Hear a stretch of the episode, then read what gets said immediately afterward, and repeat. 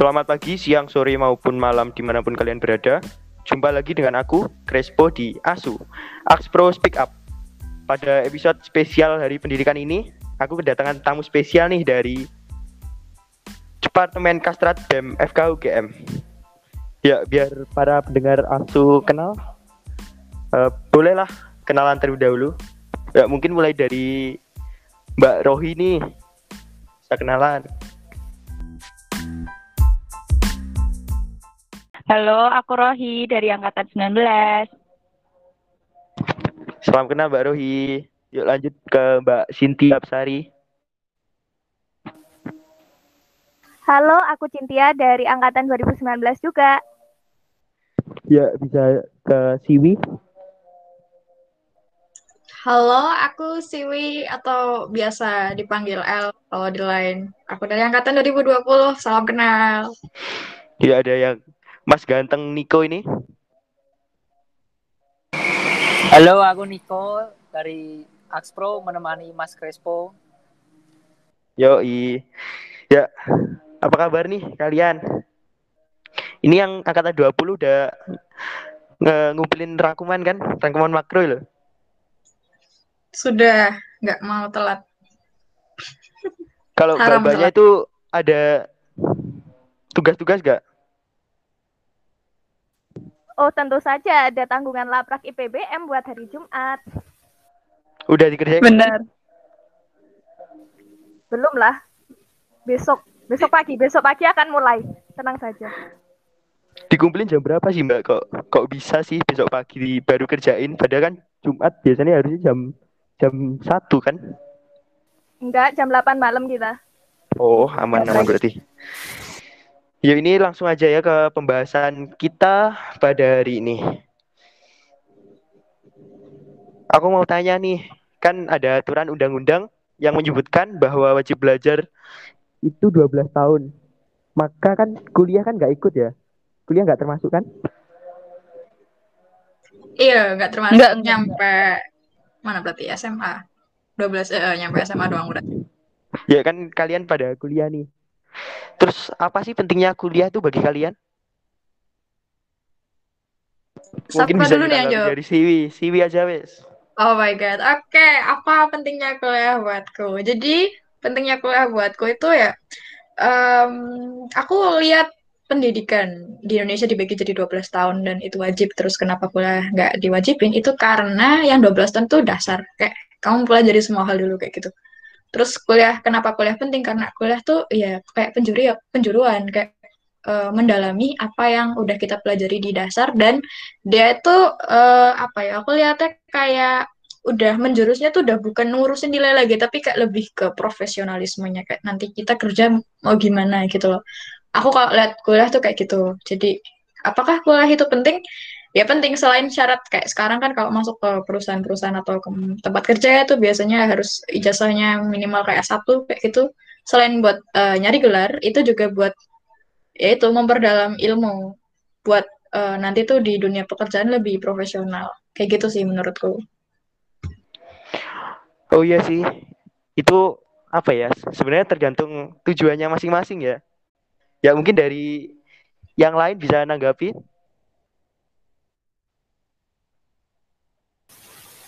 Kalau dari aku sendiri ya, kuliah itu penting karena apa? Karena di situ itu kita mulai mengasah pikiran kita dari yang dasar yang dulu-dulu tuh cuman tahunya itu-itu aja ternyata setelah kuliah tuh bisa dipraktekkan lebih dalam lagi untuk ilmu-ilmunya.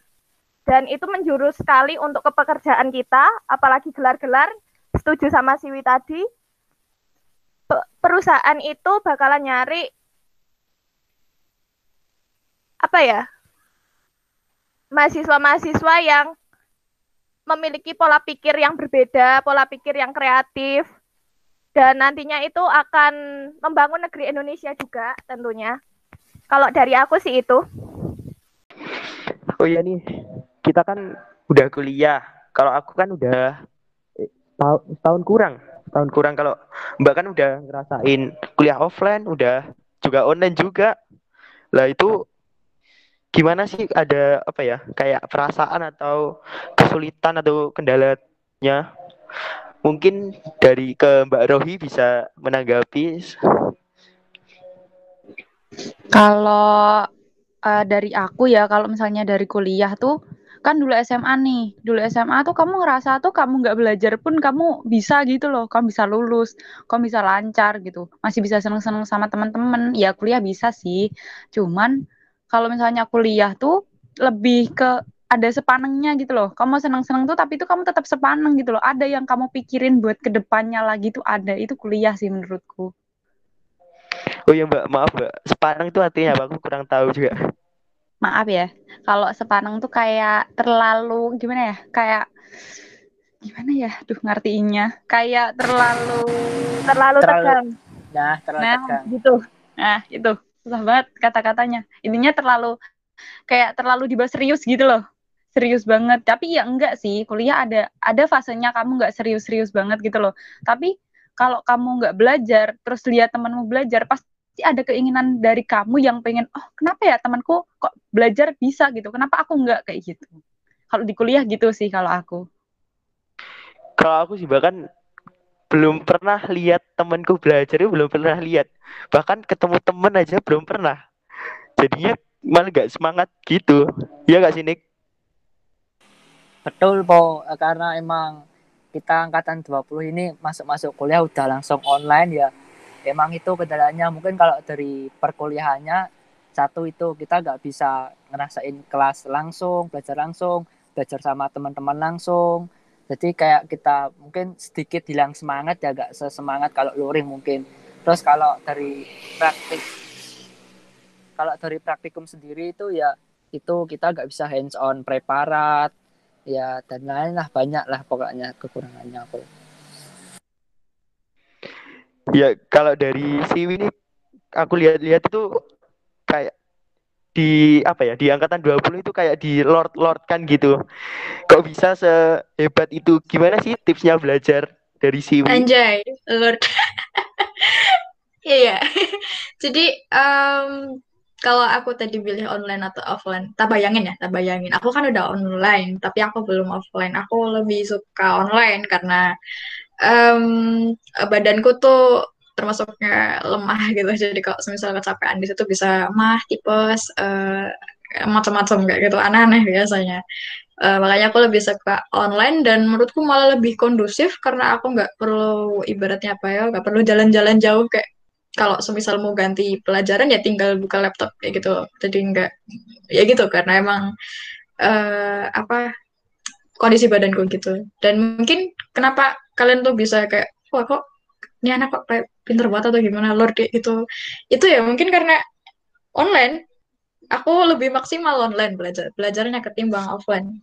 Sebenarnya sih ya nggak beda jauh. Cuman kalau offline tuh aku lebih cepet kecapean. Makanya kayak waktuku buat uh, belajar tapaknya malah buat istirahat badanku kayak gitu. Dan kadang-kadang aku juga nggak suka itu sih kayak ah aku aku harus ngerjain ini aku harus ngerjain ini tapi badanku udah nggak bisa. Aku pernah kayak aku lagi kena tipes panas gitu kan. Pikiranku tuh aduh tuh ke sini masih apa tuh ke sini masih aduh aduh deadline kapan deadline kayak gitu loh kayak gitu gitu jadi um, aku lebih suka online dan kalau kalian tahu eh, pengen tahu kenapa kok aku bisa sepinter itu itu nggak nggak pinter itu. Itu memang kondisi online tuh lebih cocok denganku kayak gitu aja. Sebenarnya aku sama sih kayak kalian kayak mau uh, uh, kuliah ya ya nyimak terus mau praktikum ya ya ngikut-ngikut yang diangkatan terus oh ada ada apa materi ini ada uh, apa jawaban ini nih kayak gitu ya yang ikut gak nggak yang apa sih semalaman aku baca konik itu ya enggak gitu. Enggak enggak lah ngapain aku semalaman baca konik? Kuat banget. Itu emang lebih cocok aja online. Iya sih kalau aku apa ya lebih lebih kondusif kalau di mix sih kayak kuliahnya offline tapi praktikum sama ujiannya online. Bener gak nih? Gak, gak, gak mau. Kamu cari temen kurang ajar.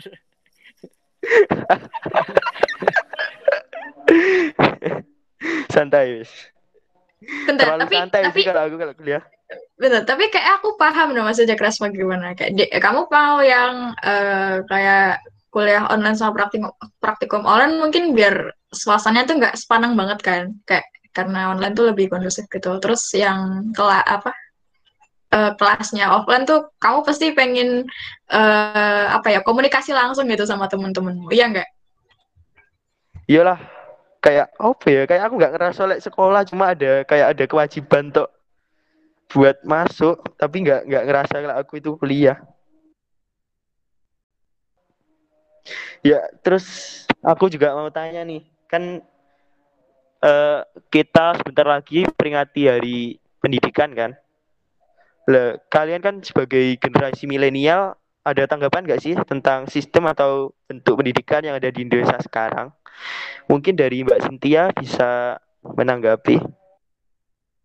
Kalau sistem pendidikan yang sekarang, yang apalagi pas COVID gini kan, pada banyak ngeluh juga. Kalau misalnya percuma kuliah kuliah kuliah tapi kayak nggak berkewajiban cuman hadir untuk di kelas untuk absensi. Terus akhirnya nggak masuk.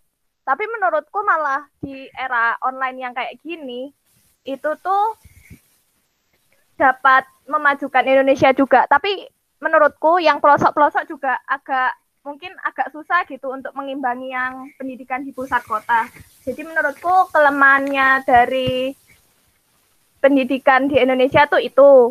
Apalagi sinyalnya kalau di pegunungan atau apa yang tinggalnya balik ke gunung kah pulang ke tempat rumah orang tuanya gitu gunung. Itu agak susah juga kan cari sinyalnya. Jadi ya gitu mungkin lemahnya di situ untuk perkuliahan online gitu. Terus apalagi ya? Udah sih menurutku gitu. Aku juga agak bingung sih. Pertimbangannya kan kayak dipukul rata gitu. Sekolah online semua. Padahal kayak yang di pelosok jauh dari apa ya, jauh dari jalan jauh dari peradaban lah.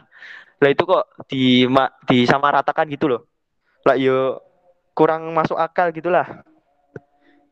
Mungkin bisa ditanggapi oleh Mbak Rohi.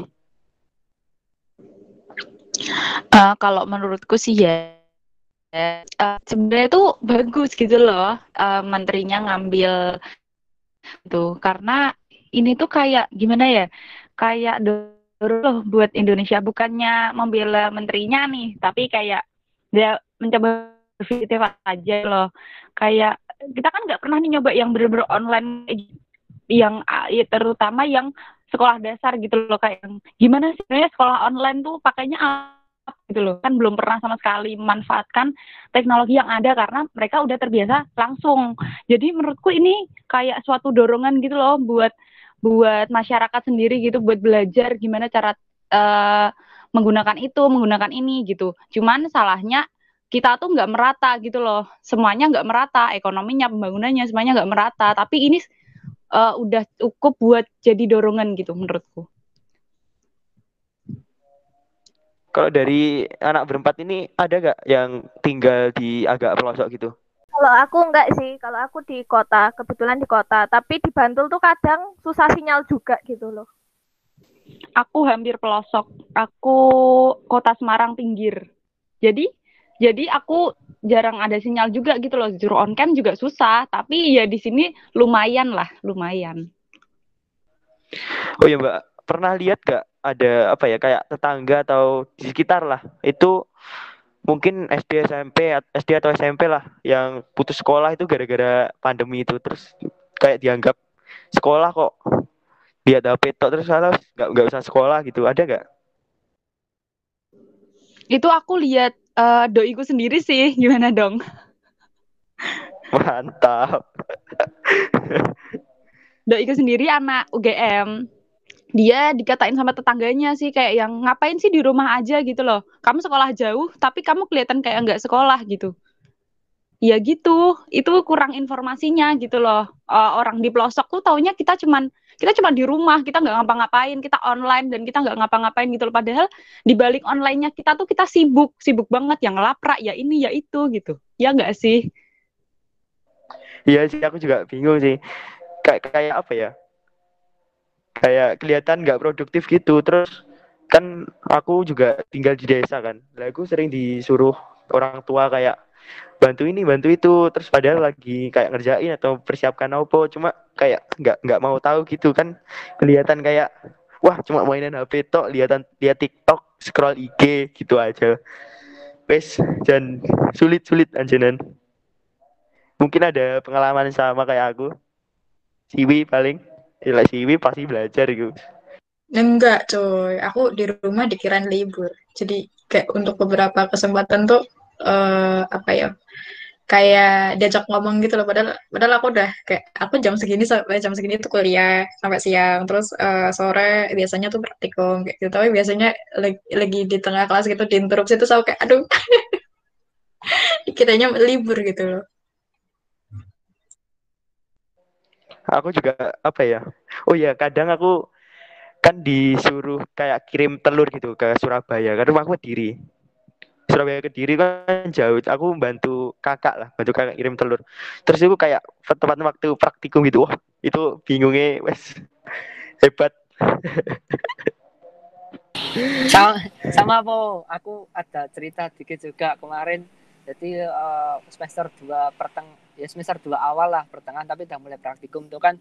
Aku juga keluarga lagi eh, dalah dalah tuh apa bahasa Indonesia ya? Eh, barengan barengan. Eh, lagi buka kafe sama toko gitu. Nah itu kan juga aku juga hektik banget. Jadi ada ada kuliah ada akademik ada bantuin bantuin buka juga. Nah itu kayak apa ya kayak maksudnya dipaksa wajib banget gitu loh bantuin. Padahal kan kita aku sendiri masih ada tanggungan gitu. Nah jadi kesannya kok kayak apa ya kayak dikira robot gitulah Aku juga kadang mikir gini sih. Kayak kayak apa ya? Uripku nggak berguna gitu. Soalnya kayak disuruhi terus apa ya? Ada praktikum, terus aku bingung, terus aku nggak mau, terus aku kayak ngerasa bersalah, kayak wah kok nggak seberguna nih aku gitu.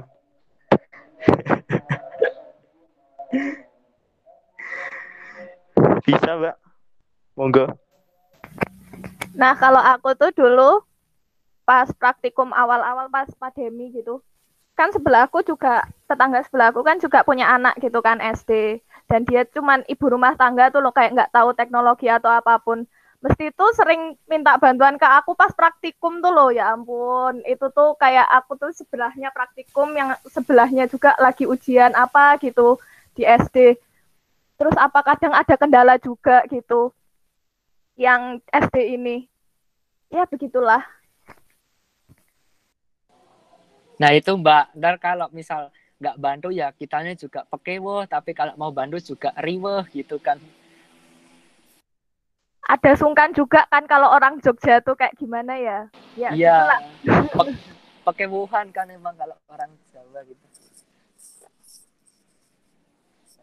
Apa nih? Aku nggak tahu arti pekewuhan.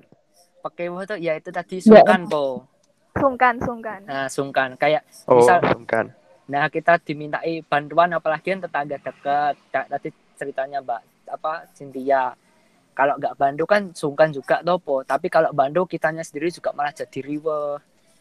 Jadi ya kayak gimana? belum lagi sama dosen-dosen yang kayak gaptek juga cuman terus ada yang dosen yang cuman mau pakai aplikasi ini nggak mau pakai Webex gitu kita kan rata-rata anak UGM pakai Webex gitu loh Kalau di angkatanku kalau pakai Webex sering sering sambat malahan. Uh, berat dulu awal-awal kayak gitu. Pilihnya itu Google Meet kan sama Zoom. Cuma kan harus bayar atau gimana itu. Nah makanya itu kan kita ada hearing dekanat itu kita bakalan ngasih itu solusi untuk ngeringanin jangan pakai Webex lah pakai yang lain gitu mungkin ya Ya sih kalau mending sih fokus utamanya ke UKT UKT dulu itu sih. Kan juga nggak dapat apa-apa sih. Ya ya dapat sih. Kalau dibilang nggak dapat ya masih dapat, tapi kalau dibilang dapat sepenuhnya juga enggak. Apa ya cuma fasilitas gini aja. Ya bayarnya full. Terus aku juga pengalaman apa ya ngajuin UKT itu banding ditolak-tolak terus buat apa ngajuin lagi. Ya ada bahasan terakhir nih kalian pasti udah denger eh apa itu Pak Nadiem Makarim itu kan dilantik barusan itu ada peleburan apa Menteri Pendidikan Kebudayaan sama Riset dan Teknologi. Apa apa ya? Apa harapan kalian lah buat Pak Nadim dan apa untuk berbenah dalam pendidikan untuk ke depannya? Mungkin dari Mbak Rohi bisa ngasih informasi atau tanggapan? Eh, aku nanggapin aja ya kalau kalau kayak gitu aku berharapnya eh eh, gimana ya? Anak-anak muda di Indonesia kalau dilihat dari sisinya Pak Menteri nih mendingan eh, diajuin ke gimana caranya mereka berkembang sendiri gitu loh. Pemikirannya tuh dibuat kayak aku bisa gitu. Aku bisa aku bisa gitu. Bukan kayak yang eh, nanti lulus aku mau ke mana ya? Nanti lulus aku masih bingung nih mau apa? Nanti lulus gini aku bingung kayak gitu. Jadi itu pemikirannya tuh ditanaminnya tuh kayak lebih ke eh, besok aku pengennya gini gitu. Aku besok pengennya gini gitu. Jadi kayak mereka tuh udah udah punya pemikiran sendiri dari mereka kecil gitu. Kan berarti kan kayak gitu harus ditanaminnya dari dasar kan. Dari SD SMA tuh harus sudah punya pemikiran kayak gitu. Jadi mereka waktu SMA lulus nggak yang bingung kayak yang aku masih nggak tahu mau punya angan-angan apa. Karena waktu temanku SMA nih bahkan waktu pendaftaran SNM aja mereka masih nggak tahu mereka mau jurusan apa gitu loh. Jadi itu sih menurutku kayak lebih ditanaminya di situ. Mungkin tambahan ma- mata pelajaran gitu kayak apa gurunya dari dari fasilitasnya dari gurunya gimana sih cari guru yang kayak gitu gitu loh. Gitu sih standarnya. Terus mungkin dari Mbak Cynthia ada tanggapan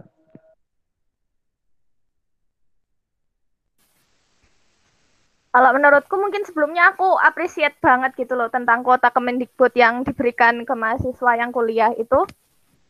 Itu sangat berguna pastinya untuk yang di luar pelosok. Yang di luar-luar pelosok lah pokoknya.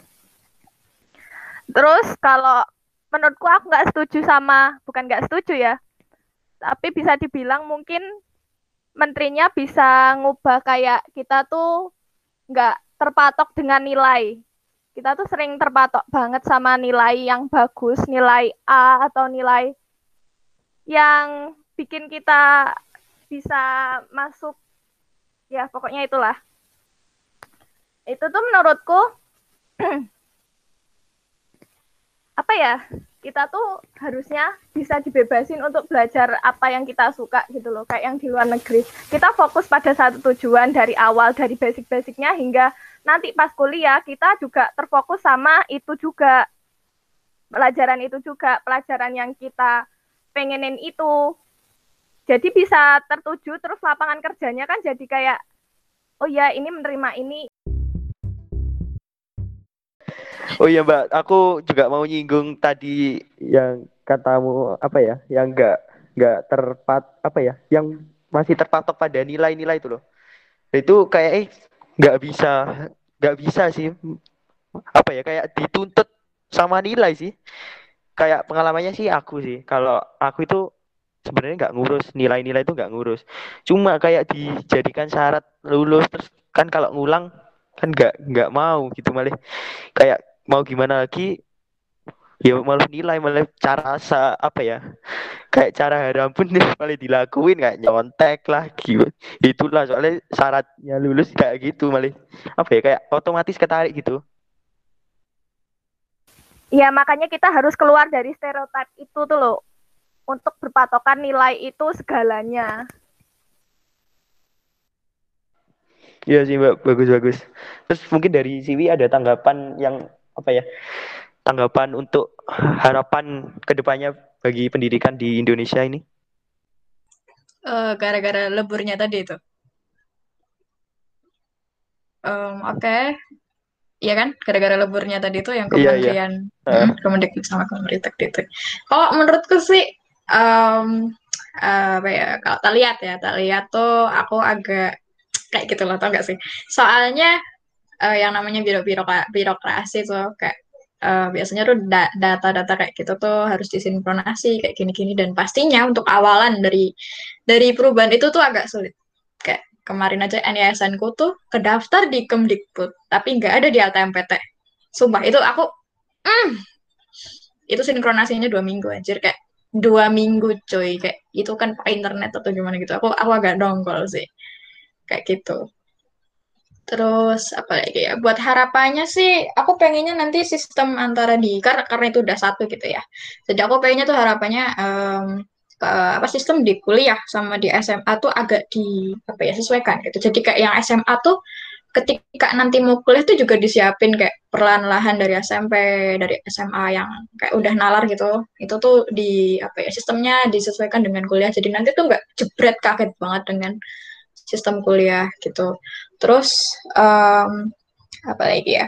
Kalau buat urusan yang um, kita itu udah dijurusin dari awal sih, um, menurutku 50-50 sih. Aku um, untuk pendidikan di Indonesia saat ini tuh karena apa ya? Aku lihatnya tuh nggak tahu ya buat ke depannya. Mungkin ke depannya Indonesia kan udah mulai tertata gitu. Cuman ini masih emang kayak pakem zaman dulu gitu loh. Zaman dulu tuh kita jarang ahli. Orang ahli tuh jarang. Jadi kayak semua orang harus bisa.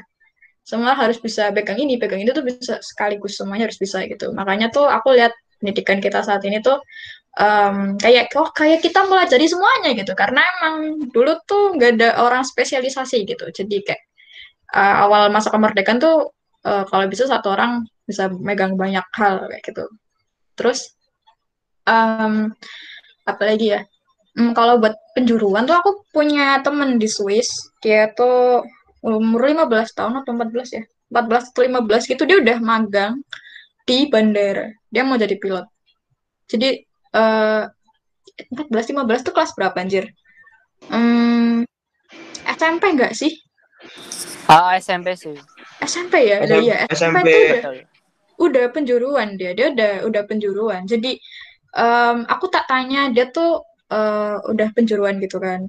Dan sekolah SMK di sana tuh uh, ya kayak SMA biasa. Jadi kayak SMA, SMA atau SMK. Iso kayak bahkan untuk sesuatu yang kayak SMA di sini SMA tuh masih umum banget ada biologi, matematika kayak gitu. Di sana tuh udah udah ya penjuruan biologi sendiri ada kayak gitu udah udah penjuruan karena emang negara mereka tuh udah udah masuk ke spesialisasi gitu kayak semua orang tuh harus punya spesialisasi nggak boleh bukan nggak boleh sih kayak yang kalau bisa semuanya tuh malah rapat gitu loh. Kalau bisa spesialisasi kayak gitu itu udah disusun, udah direncanain dari awal gitu. Ya menurutku Indonesia bisa jadi kayak gitu. Jadi nanti tuh kayak um, masih umur-umur uh, muda gitu udah udah langsung di penjurusan kayak kamu mau jadi apa gitu dan udah ditekanin kayak kalau kamu udah milih ini ya ini kayak gitu. Kan udah gak bisa apa ya susah balik gitu. Kalau mau balik kan dia harus mengulang tahun yang terbuang. Dia buat untuk me mendalami suatu bidang gitu. Tapi ya nggak apa-apa. Belajar tuh kan seumur hidup gitu. Ya kayak gitu lah cuman kalau buat Indonesia bisa tapi nggak secepat ini. Kayak harus beberapa tahun kemudian ketika orang-orang tuh udah hal-hal yang basic tuh udah bisa semuanya dengan pada akhirnya kita tuh harus spesialisasi gitu sih dan ya semoga aja dengan meleburnya kementerian ini tuh bisa mewujudkan Indonesia yang kayak gitu. Ya amin. Terus mungkin dari Mas Niko ada tanggapannya juga. Uh, ini ya kalau peleburan aku sudah setuju sama Siwi tadi mungkin nggak perlu nambahin kalau harapan untuk pendidikan Indonesia ke depan aku ini mungkin uh, ada harapan untuk kayak sistem universitas di Indonesia itu ada perubahan gitu. Jadi aku pernah baca statement dari Jules Evans itu seorang filsafat. Dia itu berstatement kalau universitas di Indonesia itu lebih mirip sistem sebuah pabrik. Karena apa? Karena di Univ Indonesia itu hanya sekedar mengisi daftar hadir, menyerahkan tugas, mengisi daftar dan pulang, kemudian ditinggal untuk menangani tugas sendiri. Nah itu uh, apa ya? Jadi kayak kurang efek. Ya bukan kurang malah memang emang tidak efektif. Nah harapanku itu ya mungkin uh, pendidikan di Indonesia ke depan tuh kayak lebih merhatiin uh, pembelajaran yang berpihak kepada mahasiswa atau murid, terus pembelajaran yang memerdekakan pemikiran, potensi murid, mahasiswa dan ter yang ini sih yang berikutnya kayak kesehatan mental juga itu karena sekarang paling penting juga. Terus harapan kedua ini uh, menghapuskan strata atau kelas-kelas universitas atau sekolah-sekolah itu po